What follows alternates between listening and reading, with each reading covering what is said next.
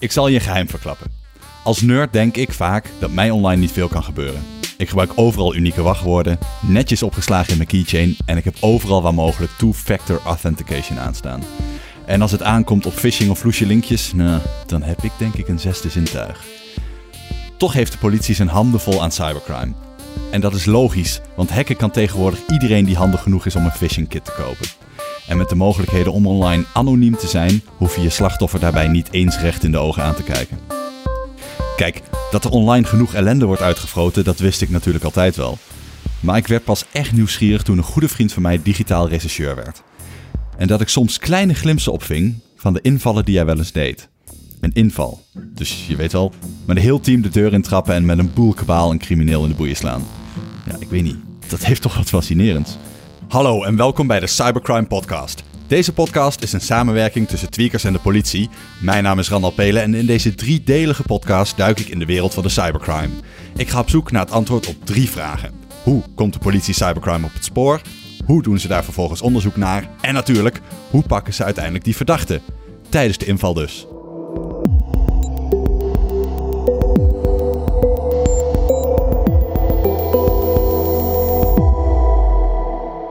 Oké, laten we bij het begin beginnen. Stel je voor, je bent bij je goede vriend op bezoek en je staat op het punt om weg te gaan. Je hebt je jas al aangetrokken en je zegt elkaar gedag. Dan krijgt hij een sms. Hij leest hem. Ondertussen ben jij gewoon gedag aan het zeggen en zonder dat hij daar een bijzonder ding van maakt, legt hij heel geheimzinnig de hand over de onderkant van het scherm, zodat zijn vriendin alleen de bovenkant kan lezen en zegt: Kijk schat, ze leest wat ze kan zien, knikt instemmend en het moment is weer voorbij. Voor hem blijkbaar de meest normale zaak van de wereld, maar voor mij heel opvallend. Dus ik vroeg hem toch eens of hij door had dat het mij zo opviel. Ik had niet gelijk door dat het jou zo opviel. Uh, maar het is voor mij, het is voor mij wel gebruikelijk. Ik scherm wel vaker een deel van het scherm af, omdat er een deel op staat dat voor Janneke relevant is. Namelijk, ik ben het dan niet. Of ik moet dan werken en we moeten nog even vervanging zien te regelen voor de kinderen. Maar tegelijkertijd is het niet een ding dat voor mij heel erg opvalt. En de rest van het scherm is voor haar gewoon niet relevant. Dat hoeft zij niet, hoeft zij niet te weten, wil ik haar ook niet meer belasten. De dag waar Dennis zijn vriendin niet mee wil belasten is een klapdag. Dat is de dag dat de politie een inval doet bij een verdachte om bewijsmateriaal in beslag te nemen. Dennis is digitaal rechercheur en dus helpt hij voor zijn werk verdachten op te sporen en ze zelfs aan te houden. Maar het is natuurlijk best een beetje gek als je bij een goede vriend op bezoek bent, hij zijn telefoon tevoorschijn haalt, met zijn hand de onderkant van het scherm bedekt en op die manier heel geheimzinnig aan zijn vrouw laat zien dat hij een dag in die week ergens anders slaapt. Wat staat er dan op dat scherm waar hij zo geheimzinnig over moet doen?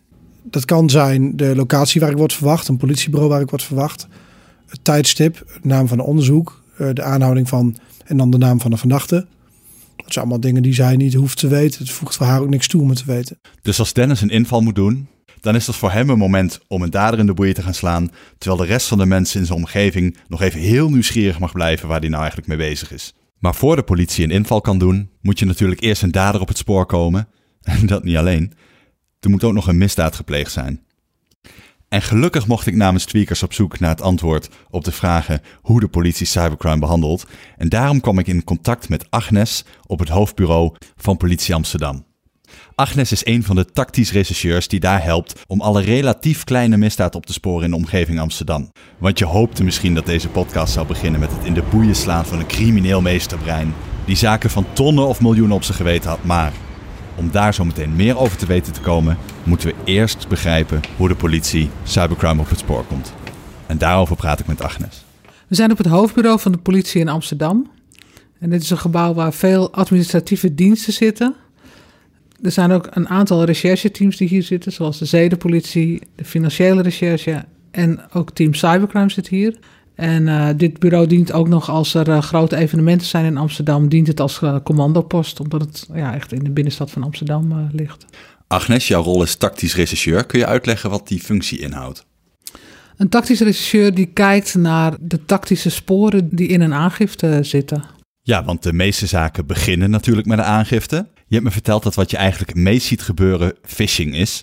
En ik moet eerlijk toegeven dat ik daar als nerd altijd het gevoel bij heb dat ik daar niet in zou trappen. Kun je je dat voorstellen? Nou, ik moet zeggen dat gelukkig heel veel mensen er niet in trappen. Dus de cybercriminelen moeten best wel veel werk verrichten om, om hun slag te slaan. Om een voorbeeld te noemen, we hebben een onderzoek gehad waarbij mensen dus verleid werden om te drukken, te klikken op een phishing link voor de betaling. waarbij ze dus uit waren op de inloggegevens van de bankomgeving. Zo'n jongen die was een hele zondag bezig. Hij heeft 18 keer via een gehackt Facebook-account, dus namens iemand onder een andere naam, heeft hij mensen benaderd van: is dit nog te koop? Dat heeft hij uh, op een zondag 18 keer gedaan. Daarbij gaat hij, ik geloof, een keer of 12 in gesprek met mensen die dus iets te koop aanbieden. Daarvan komt het maar vier keer tot het versturen van die phishing link.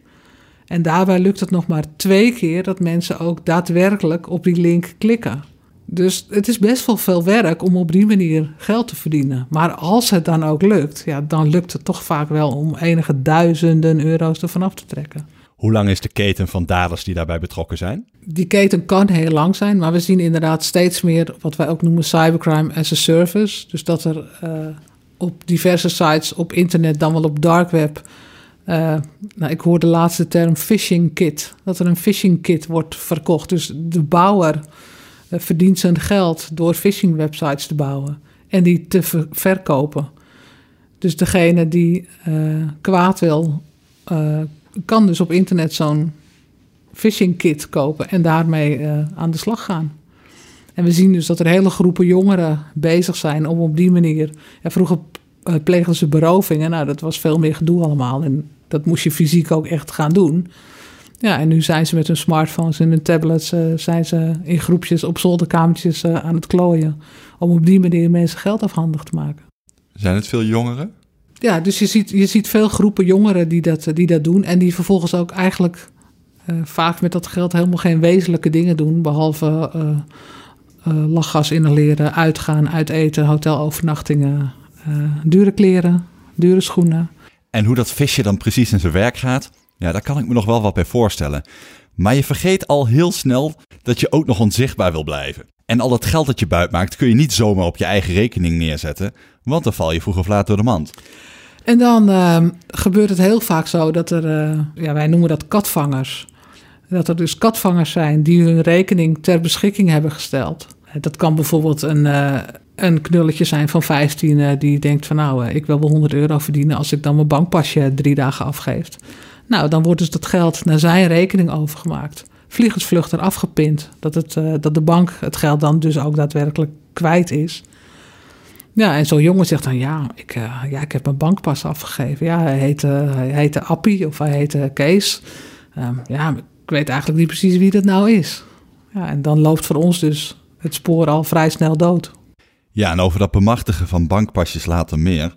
Het valt mij tot nu toe heel erg op dat het nog best makkelijk is om in teamverband mensen op te lichten en duizenden euro's buiten te maken. Maar het zijn nog geen tonnen en al helemaal geen miljoenen. Dus, om de meer nationaal en internationaal georiënteerde cybercrime in kaart te brengen, ging ik in gesprek met Erwin. Erwin, zou jij iets kunnen vertellen over je rol bij de politie? Ja, mijn naam is uh, Erwin dus. Um, ja, ik werk inmiddels al 18 jaar bij de politie. Um, uh, met name op het gebied van digitale techniek, van uh, cybercrime. Um, ja, dat is eigenlijk mijn specialisme. En ja, ik, ja, dat is eigenlijk echt het, het, punt waar ik heel veel werk in doe. Ja. En hoe ben je zo in de cybercrime terechtgekomen? Ja, mijn, mijn uh, specialisme uh, was echt op het gebied van, uh, van cybersecurity. Ehm, ja, ik vond het altijd zeer interessant om te weten hoe alles werkt. ik was altijd nieuwsgierig naar techniek. in eerste instantie met elektronica bezig geweest. Maar ja, eigenlijk wat er op, op ICT-gebied gebeurde, vond ik eigenlijk wel een stuk interessanter. En ja, vervolgens, ehm, ja, jaren geleden, zag ik een krantenadvertentie. Um, de politie zocht mensen met een digitale achtergrond. En daar heb ik me voor aangemeld. En zo ben ik uh, ja, bij de politie terechtgekomen. Erwin, jij gaf eigenlijk aan dat je een gemengde relatie hebt met het woord cybercrime. Want jij zegt, ik ben niet zozeer met digitale misdaad bezig, als wel algemene misdaad oplossen met meer digitaal georiënteerde middelen. Juist. Zeg ik dat zo goed? Ja, dat, dat formuleer je heel goed. En ik denk dat dat ook wel een belangrijk punt is, omdat het blijft gewoon criminaliteit. En, en, en dat daar computers voor gebruikt worden, dat daar misschien techniek voor gebruikt wordt. Maar het uiteindelijke punt is dat het gewoon criminaliteit is. Um, en, en juist door het, door het wat breder te pakken, dan uh, maak, kun je het ook onderdeel uit laten maken van, van de opsporing, van de politie, uh, van de aanpak van, van, van misdaad. Uh, ja. En welke soort zaken kom jij nou het meest tegen? Ehm, ja, dat is heel breed. Het interessante eh, eh, van dit werk is ook dat ehm, alles wat er in de maatschappij verandert, dat zien wij ook weer voorbij komen. Ja, goed, volgens mij een, een, een recent voorbeeld is natuurlijk uh, corona, waar we nu inmiddels behoorlijk mee bezig zijn. Ja, dat wordt ook gebruikt in, in de strafbare, strafbare feiten. er worden nu via phishing worden er bijvoorbeeld bankpassen aangeboden die je zouden beschermen tegen, tegen het coronavirus. Uh, ja, dat soort technieken uh, uh, wordt gebruikt om, om mensen op te lichten of om, om, om in te breken op computers. dus ja, eigenlijk alle feiten die voorbij komen, die, die, die, ja, die zijn gelijk aan wat er in de maatschappij gebeurt op dit moment. En Erwin, ik had het er net met Agnes al even over dat er steeds meer jeugdbendes actief zijn en misschien wel daders die helemaal niet van nature zo heel erg technisch onderlegd zijn. Zie jij een trend dat cybercrime steeds aantrekkelijker wordt voor criminelen? Ja, dat is zeker een, een. Maar dat is ook een van de, van de oorzaken dat je echt. We, we zien echt verschuivingen van, van uh, criminaliteit met, met, ja, ik noem het maar even, met een bepaalde gevaarzetting.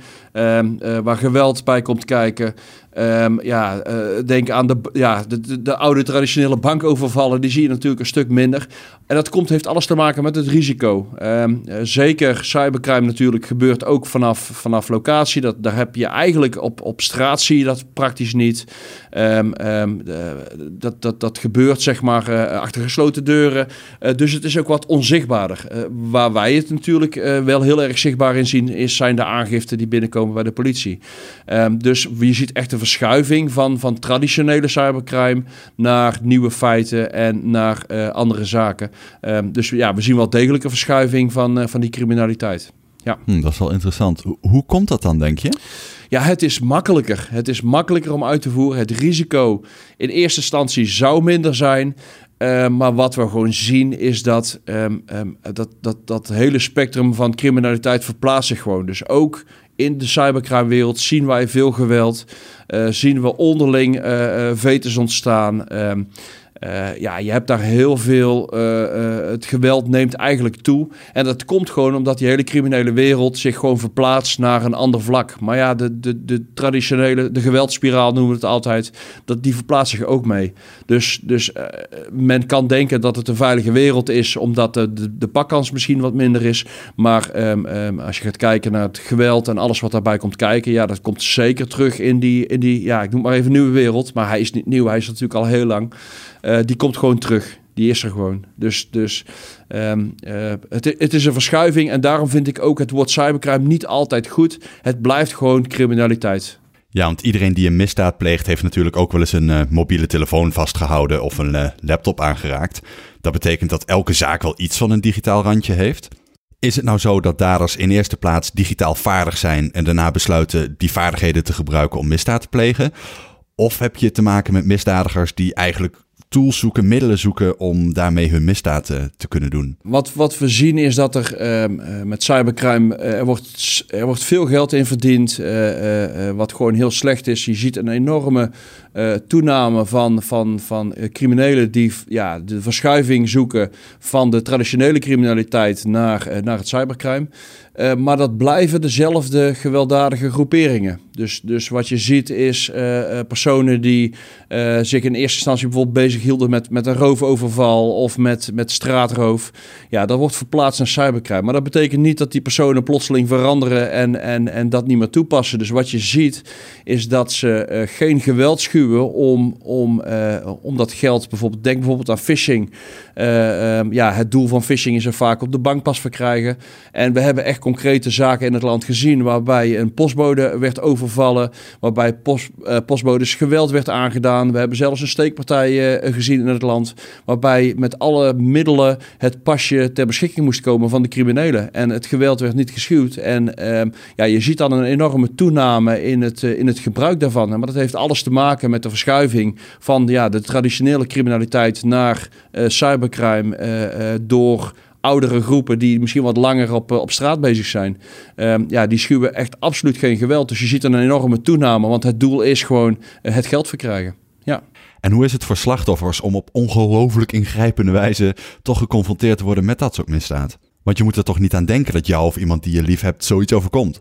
Uh, de, de impact die dat op mensen kan hebben, die kan hun het, hele leven bijblijven. Um, uh, uh, vaak lees je alleen maar een klein artikeltje dat iemand overvallen is. Um, maar denk ook bijvoorbeeld om die bankpas te verkrijgen, een inbraak in een woning. ook dat hebben we voorbij zien komen.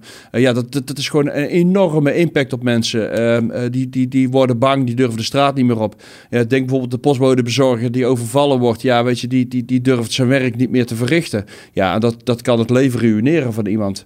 Dus dat heeft een behoorlijke impact op, uh, op, op mensen uh, uh, om dat mee te maken. Ja dat, is, dat, is, ja, dat is met geen pen te beschrijven. Kijk, ik zeg al, wij, wij nemen ook vaak zo'n aangifte op of wij zijn betrokken bij zo'n aangifte. Ja, dan hoor je pas echt de, de, de, de, de ernstige verhalen die daarbij aansluiten en wat dat met mensen doet. Ja, dat is gewoon een ramp natuurlijk.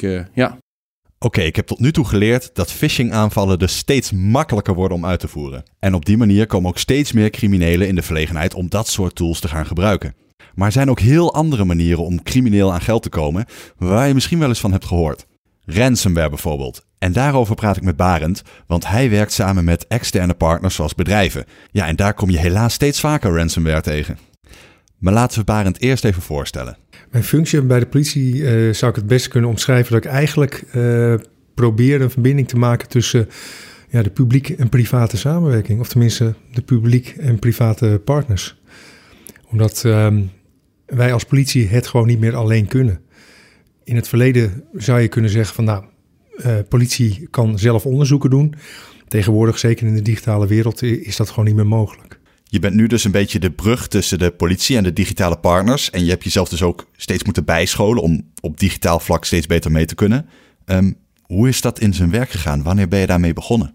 Uh, dat is heel lang geleden geweest. ik uh, ben vanaf 1987 uh, werkzaam bij de politie. Ik heb tien jaar in uniform rondgelopen. En na die tien jaar heb ik ooit gesolliciteerd bij het team computercriminaliteit. Toen heette dat al zo. En uh, dat bestond toen uit vier personen. En daar ben ik aangenomen. En ja, eigenlijk uh, sindsdien alleen maar in het digitale taakveld uh, werkzaam geweest. En daar heb ik eigenlijk heel veel functies in gehad. Ja, je hebt dus al aardig wat meegemaakt en je zult waarschijnlijk als je achterom kijkt ook wel trends herkennen. Welke vormen van cybercrime zijn er op dit moment actueel? Ja, wat, wat momenteel heel erg speelt, en daar staan ook de kranten en de media vol mee, uh, dat is ransomware. Uh, dat, dat zie je echt wel gebeuren, of, veel gebeuren. Waar het in het verleden nog wel zo was dat ehm, de huistuin- en keukencomputer besmet werd met ransomware en dat iedereen geld moest gaan betalen, zie je nu steeds meer dat dat meer gebeurt binnen bedrijven. Ehm, ze schieten nog steeds met een, met, met een schot hagel. Uh, alleen uh, wel meer gericht op het bedrijfsleven, omdat ze daarvan ook wel weten dat die eerder zullen gaan betalen. Daarnaast is het ook zo dat uh, vroeger kon je nog wel iets met ransomware doen of iets tegen ransomware uh, als je getroffen was. Tegenwoordig uh, zie je steeds meer dat ze eerst hacken om het zo maar te zeggen. Dan komen ze binnen via een phishing mail waarop geklikt is. Dan gaan ze rustig rondkijken in het netwerk van uh, degene uh, waar ze binnen zijn gekomen. En gaan ze heel stelselmatig kijken van... hey, waar zitten de backup files? Ehm, waar zitten nog meer gaatjes? En op een gegeven moment, als ze dat helemaal in kaart hebben gebracht... dan starten ze de ransomware... En dan heb je in principe ook weer niks aan die, uh, of tenminste niks wil ik niet zeggen, maar dan wordt het heel moeilijk om oude backups weer uh, terug te gaan zetten. Want dat kan al van maanden geleden zijn.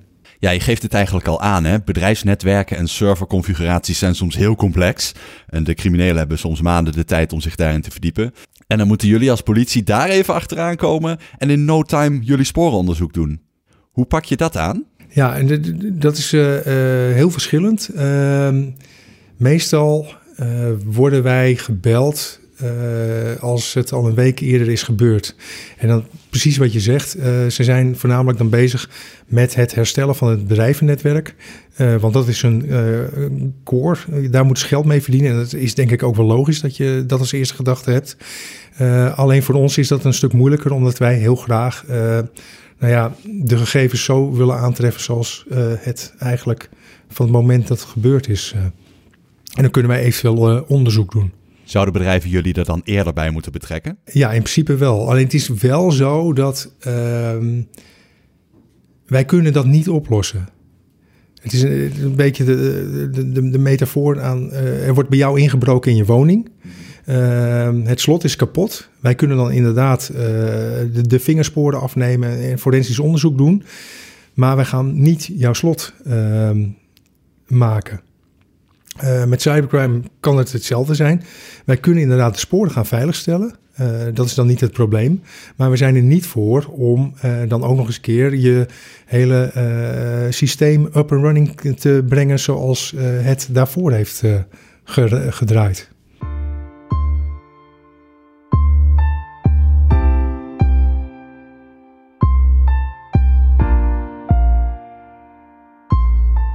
Ik heb tot nu toe van Agnes, Barend en Erwin geleerd dat phishing en ransomware de twee meest voorkomende vormen van cybercrime zijn. En het is ook wel duidelijk geworden hoe de impact op slachtoffers soms is. Van een slachtoffer dat iets leuks denkt te kopen op marktplaats, tot een postbode die op straat wordt neergestoken, en het bestuur van een universiteit dat zijn leerlingen een post niet kan bedienen omdat ze zijn getroffen door een ransomware aanval. Ik ben inmiddels erg benieuwd geworden naar de tools die criminelen gebruiken en hoe ze aan die tools komen. Even terug naar Erwin dus. Want ik vroeg hem of alle criminelen de software waarmee ze cybercrime bedrijven aanschaffen en niet zelf maken. Of dat er ook groeperingen zijn die iets van beide doen. Wat, wat we in, in deze wereld gewoon heel veel zien, is echt een strikte scheiding tussen uh, ontwikkelen van malware, van virussen, van zogenaamde trojans die gebruikt worden, uh, RAT tools, dus remote access tools. Um, wat je ziet is dat de echte professionele groeperingen, die ontwikkelen dit soort software zelf. Um, en die gebruiken dat ook als een verdienmodel. Dus dan zie je dat een hele organisatie bezig is met strafbare feiten uitvoeren met die software. Die zullen ze ook nooit verkopen. Aan de andere kant zien we ook verdienmodellen van organisaties of van groepen die zeg maar uh, uh, uh, malware ontwikkelen en dat gaan distribueren via allerlei kanalen, via darknet, maar ook via het open internet. om dat in ieder geval door te verkopen. En eigenlijk het verdienmodel zit er dan in dat men het stukje malware verkoopt. En dat is dan het verdienmodel. Dus dan maken ze eigenlijk zelf, ja, voeren ze weinig strafbare feiten uit, uh, dan behalve het ontwikkelen van de malware. Uh, ja. Misschien heb ik het mis hoor, maar ik verwacht eigenlijk dat de bendes die zelf malware schrijven en die ook goed kunnen uitbaten, misschien de meer bedreven hackers zijn en zich juist op die grotere vissen richten, terwijl de malware die online verkrijgbaar is en gewoon te koop wordt aangeboden, misschien wel gebruikt wordt voor de bulk van de kleinere aanvallen. Is er sprake van een dergelijk onderscheid? Nou ja, dat, is correct. Um, je ziet dus eigenlijk een heel groot verschil tussen de, de, de professionele groepen. Um, wat ook wel interessant daarin is, overigens, is dat die wel vaak een vingerafdruk achterlaten. Dus je kunt wel vaak zien dat bepaalde groeperingen uh, uh, uh, bezig zijn met bepaalde malware. Die malware is ook vaak te herkennen. Die wordt ook vaak gelinkt aan de groepering. Ook dat wordt niet altijd verhuld. Um, dus je ziet ook vaak dat, dat ja, zeg maar de groepen trots zijn op wat zij ontwikkelen. en met name en toename zeg maar, ook, ook naar voren komen. Ja, aan de andere kant heb je eigenlijk de, de wat kleinere criminaliteit. Ja, ik noem het wat kleiner. Uiteraard is altijd serieus natuurlijk. Uh, van softwarepakketten die uh, gekocht worden en met die gekochte software worden strafbare feiten uitgevoerd. Uh, vaak is dat op kleinere schaal en vaak is dat, ja, dat blijft vaak bij proberen. de verdachten die gebruik maken van dat soort software zijn ook vaak ehm, personen, zeg maar, die daar pas mee beginnen, die wat experimenteren. Um, ik denk ook dat zijn juist de personen die wij, zeg maar, waar wij ook iets in kunnen betekenen om dat eventueel te voorkomen of om daarop in te grijpen zodat dat misschien tot een, tot een stop kan komen. Ja. Ik hoorde je net zeggen dat er ook vingerafdrukken worden achtergelaten. Dat kennen we natuurlijk uit detectivefilms, maar hoe gaat dat digitaal in zijn werk? Ja, nou ja, goed. Dan kun je bijvoorbeeld denken aan technieken die gebruikt worden, software waar, waar bepaalde verwijzingen in staan. Um, dat is altijd heel lastig, want wij moeten natuurlijk ook kijken naar. Uh, uh, het wordt ook weer gebruikt om, als techniek om, om te verhullen wie je bent. Want als jij de, de, de, het kenmerk of de vingerprint van een, van een andere verdachte groepering in jouw malware gebruikt, ja, dan kun je er weer voor zorgen dat, je, dat de andere groepering verdacht wordt. dus wij moeten dat ook altijd bevestigen. dat is wel een, een, een, een verschil met, met de cybersecurity wereld. die kunnen onderzoek doen, die kunnen daar een aantal bevestigingen van publiceren. Ja, wij zullen echt iedere bevestiging moeten ja, controleren en kijken of dat inderdaad zo is. wij kunnen niet zomaar zeggen van ja, het, het is deze groepering of, of een ernstig vermoeden dat het deze groepering is. Ja, wij moeten al onze bevindingen moeten wij in een procesverbaal bevestigen. dat, dat vraagt veel meer onderzoekswerk dan, ja, dan je vaak in de cybersecurity wereld de tijd hebt om een publicatie te maken. Dus dat, dat is wel een groot verschil met, met, met de wereld. ja. Een belangrijke rode draad in politieonderzoeken is dat je heel objectief moet kunnen blijven. En dat betekent dat je ook rekening moet houden met ontlastend bewijsmateriaal. Zo is bijvoorbeeld aannemelijk dat een computer die een hack uitvoert misschien op afstand bestuurd wordt en niet door degene die achter die computer zat. Hoe ga je daar in je onderzoek mee om? Um, ja, zeker. Kijk, het, is niet alleen maar uh, het belastende materiaal. Kijk, wij moeten ook onderzoek doen naar, het, naar, naar materiaal wat misschien ontlastend voor de verdachte zou kunnen zijn.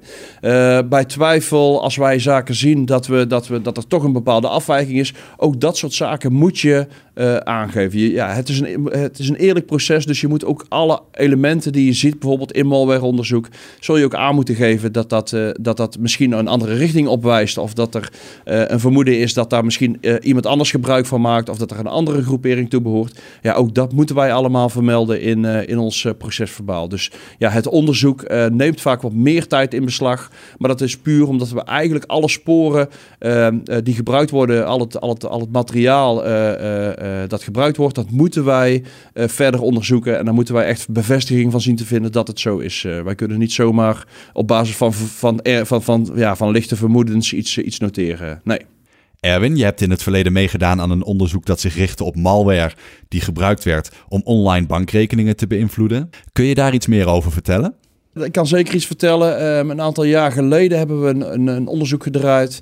Um, nou ja, daar, daar, was, uh, eigenlijk, daar werd professionele uh, banking malware gebruikt. Ja, banking malware is eigenlijk gewoon een stukje software wat op de, op de computer wordt geïnstalleerd. Waarmee cybercriminelen mee kunnen kijken met het, met het, met het verkeer. Op het moment dat je aan het, aan het internet bankieren bent, kunnen zij meelezen. Zij kunnen oversboekingen doen. En zij kunnen eigenlijk jouw hele computer onder controle krijgen en alle zaken bekijken. Nou ja, eh, in dat geval hadden we eh, te maken met, met de Gozi-malware. En Gozi, ja, dat zijn eigenlijk wel, ja, ik noem maar even de grote jongens op het internet op het gebied van, van malware. Ehm, ja, je ziet daar linken naar, naar, naar de Zeus-malware toe. en wij hebben daar een onderzoek op gedraaid en er zijn een aantal verdachten wel voor aangehouden. En dat, ja, dan heb je het echt over een grootschalig onderzoek met zeer veel internationale aspecten. Ja. Hoe is dat onderzoek afgelopen? Uh, nou, wij hebben in ieder geval uh, een aantal verdachten zijn, zijn aangehouden. Die zijn ook veroordeeld hier in Nederland. Uh, er zijn ook een aantal verdachten in het buitenland uh, gehoord uh, in dat onderzoek. Ehm, ja, goed, daar, daar, krijg je dan wel mee te maken. Maar dit soort grote onderzoeken, dat je altijd internationaal bezig bent en dat je ehm, zicht krijgt op die groepering. En die groepering die kun je dan vervolgens ja, doen stoppen. Het heeft ertoe geleid dat, ehm, dat we ook signalen kregen vanuit de criminele groepering dat Nederland ze te dicht op de huid zat en dat ze ook weer vertrokken naar andere landen omdat ze toch merkten dat we uh, qua opsporing heel dicht uh, op de organisatie zaten. Dus we hebben een aantal mensen uit die organisatie hebben, die hebben een veroordeling gekregen. Maar goed, uiteraard zijn die organisaties zo groot dat je dat niet in één keer een halt kunt toeroepen. maar goed, we hebben daar wel een behoorlijke impact op gehad op die, op het met het onderzoek. Ja. Nou, moet toch wel een goed gevoel geven dat de daders vinden dat je ze te dicht op de huid zit eigenlijk. Ja, nou ja, dat is natuurlijk uh, een, hele mooie ontwikkeling. Wat, wat, wat mij ook heel erg drijft, en dat is de andere kant van het verhaal, dat is er ook wel de slachtoffers. Um, uh, ook daar krijgen wij mee te maken. Uh, mensen die in één keer een hele hoop geld kwijt zijn. die mensen gaan een aangifte doen. Vaak zijn wij ook wel betrokken bij zo'n aangifte. want wij willen natuurlijk ook kijken van hoe is dat gebeurd, wat is er gebeurd. ja, dan, dan zie je toch ook wel hele trieste verhalen voorbij komen van mensen die, uh, die van de een op de andere dag eigenlijk waar hun hele rekening geplunderd is, die totaal geen geld meer hebben. Uh, dan horen we nog wel eens het argument natuurlijk van de banken, uh, die betalen dat toch terug. Nou, dat is niet in alle gevallen. Ehm, soms dan betalen de banken dat terug, dan, soms hebben ze daar begrip voor. Maar er zijn ook momenten dat banken ja, dat helaas niet terug kunnen betalen. En mensen zijn dan echt gewoon duizenden, tienduizenden, soms wel honderdduizenden euro's zijn ze gewoon kwijt. dat kan het leven van iemand verruineren. Nou ja, goed, als je dan met je kennis en met, uh, met, met, met je expertise bij kan dragen aan het opsporen van, van zo'n groepering. En alsnog zeg maar, het geld terug kan, kan herleiden. Ja, dat, dat, dat, dat geeft ja, voor mij in ieder geval de kracht om dit werk te doen. buiten dat natuurlijk is het super interessant om dit soort zaken technisch te onderzoeken. Dat, dat, dat is voor mij ook een drijfveer. ja, klopt.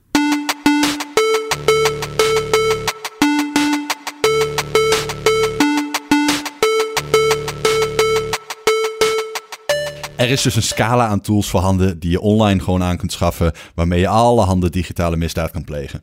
Dat landschap is altijd in beweging en voor politie zal het dus voor altijd een klein beetje kat-en-muisspel blijven. En toch merk ik in al mijn gesprekken dat de politie er steeds beter in wordt om op dit soort ontwikkelingen in te spelen. Zo legt Erwin uit hoe de politie bovenop het fenomeen phishing zit. Ja, het fenomeen phishing dat, dat, dat is enorm toegenomen. Um, um, ja, daar zitten we natuurlijk als politie uh, echt wel bovenop. Um, ja, waarschijnlijk is het wel bekend, maar um, alle eenheden in, uh, in Nederland uh, hebben nu allemaal een, uh, een cybercrime team. En al die cybercrime teams die zijn ook bezig met onderzoeken op, op dat soort phishing feiten. Um, ja, heel simpel gesteld, een, uh, iemand is benadeelde van phishing, die gaat aangifte doen. En uh, dus al die feiten die komen eigenlijk vanzelf naar voren in alle eenheden. Uh, nou ja, we hebben het over cybercrime, dus, dus de feiten die zijn niet gebiedsgebonden. Um, dus wat je gewoon ziet is dat overal in het hele land en ook overigens in andere landen komen die phishingfeiten naar boven. Um, dus ja, dat zijn zaken die vrij snel zeg maar, in het proces komen van aangifte en die ook ja, behoorlijk vaak worden opgepakt. Dus er is echt een heel actieve uh, uh, rol, ook van de cybercrime teams, om dit soort zaken aan te pakken. Ja, en misschien een andere gekke invalshoek. Je kent de uitspraak: If you can't beat them, join them misschien wel. Is er misschien niet iets voor te zeggen om juist die criminelen die de fout in zijn gegaan bij politie een baan aan te bieden? Zij kennen natuurlijk als geen ander het klappen van de zweep. Ja, dat is een interessante vraag. Die, uh, die komt overigens ook heel vaak voorbij. Uh, dat hoor ik ook van, van, van collega's die vaak niet altijd digitaal onderlegd zijn. Dan, dan is er weer, ja, er is ergens op ingebroken. Of uh, um, er is een, een, een persoon geweest die een heel technisch, op een heel technische wijze ergens in het systeem is gekomen. Het eerste wat je dan vaak hoort is van, ja, die moeten we aannemen bij de politie. Want ja, die heeft er verstand van. Nou, ik gebruik als tegenargument van ja, um, um, gaan we dan ook uh, laboranten die in een ecstasy-laboratorium werken aannemen bij de politie, want die snappen hoe het werkt. Ja, dat is, dat is eigenlijk exact uh, het punt wat ik wil maken. Um, uh, de intentie van dat soort mensen is altijd, dat is, dat is een criminele intentie. Dus, dus nee, die willen we niet bij de politie hebben. Wat we wel bij de politie willen, is zijn mensen die iets willen betekenen voor de maatschappij. En juist die techniek in willen zetten om het voorkomen van criminaliteit. Dus ja, ik ik spring altijd in de bres inderdaad. Op het moment dat die vraag wordt gesteld, dan zeg ik ook altijd van ja, dat, hoe kom je bij die vraag? Want dat is, dat is heel vreemd. En dat komt ook door een stukje onkunde, een stukje onbekendheid met, met cybercrime. Dat, dat zie je ook nog. We hebben echt een inhaalslag te maken, ook bij de politie op het gebied van cybercrime. Heel veel collega's nog die, waar het nieuw voor is, die het moeilijk vinden. Uh, het is een nieuwe wereld. het is niet de traditionele wereld die zij kennen. met name op het gebied van drugs bijvoorbeeld. Ja, daar kennen ze heel veel mensen. Daar, ze kennen die wereld. Maar dit is voor, voor heel veel collega's een nieuwe, een nieuwe wereld. En ook daarin dragen we bij om die mensen mee te nemen in, in deze ja, in cybercrime en wat daarin in gebeurt. ja. Wat zowel Agnes, Barend, Dennis als Erwin met elkaar gemeen hebben, is dat ze ontzettend digitaal vaardige werknemers zijn in een vakgebied dat zich steeds sneller ontwikkelt. En bij het woord politie denkt niet iedereen gelijk aan digitale misdaad. Er is dus iets voor te zeggen dat ze alle vier op de kudde vooruit lopen en op die manier een koplopersfunctie vervullen. Maar dat ziet Barend toch anders.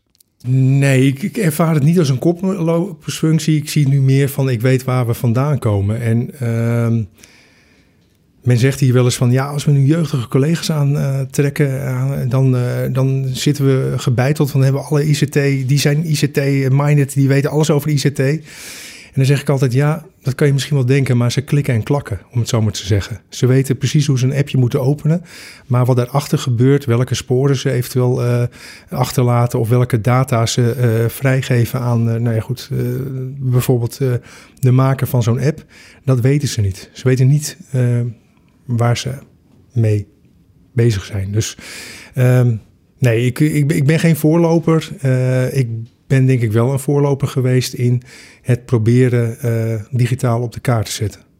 Daar ben ik al jaren mee bezig, al vanaf uh, eigenlijk 2000.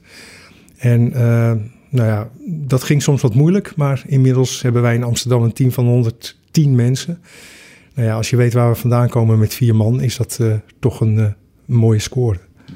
De politie wordt zelf steeds beter in het omgaan met digitale misdaad. Maar, zoals Barend eerder al zei, zoeken ze ook de samenwerking met het bedrijfsleven. En dat dat nuttig is, ligt eigenlijk wel heel erg voor de hand. Want juist in het bedrijfsleven werken verdomd slimme ICT'ers. Ja, het lukt uh, redelijk. We hebben uh, aardig wat uh, samenwerkingsverbanden. We zitten bijvoorbeeld in uh, ISEX. En ISEX, dat zijn dan samenwerkingsverbanden waar onder andere de politie zit met het bedrijfsleven in een bepaald gebied. En dan heb je het uh, over cybercrime, om daar iets tegen te doen en daar juist met elkaar over te praten en kennis met elkaar te delen over ja, wat er gaande is en wat er mogelijk aan gaat komen. Er zijn bijvoorbeeld bedrijven die heel veel onderzoeken doen aan IoT-apparaten. Barend, jij valt onder het team digitale opsporing, maar ik heb ook gesproken met Agnes, die valt onder het team cybercrime. Wat is nu eigenlijk het verschil tussen die twee afdelingen?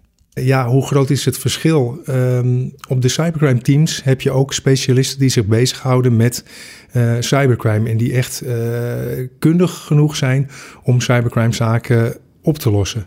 Het verschil met team digitale opsporing is dat je daar eigenlijk alleen maar specialisten hebt. En bij het cybercrime team ook nog tactische collega's. Dus die echt de onderzoeken doen. Die uh, ook wel digitale skills hebben, maar niet de, de skills die uh, aanwezig zijn bij uh, collega's van team digitale opsporing.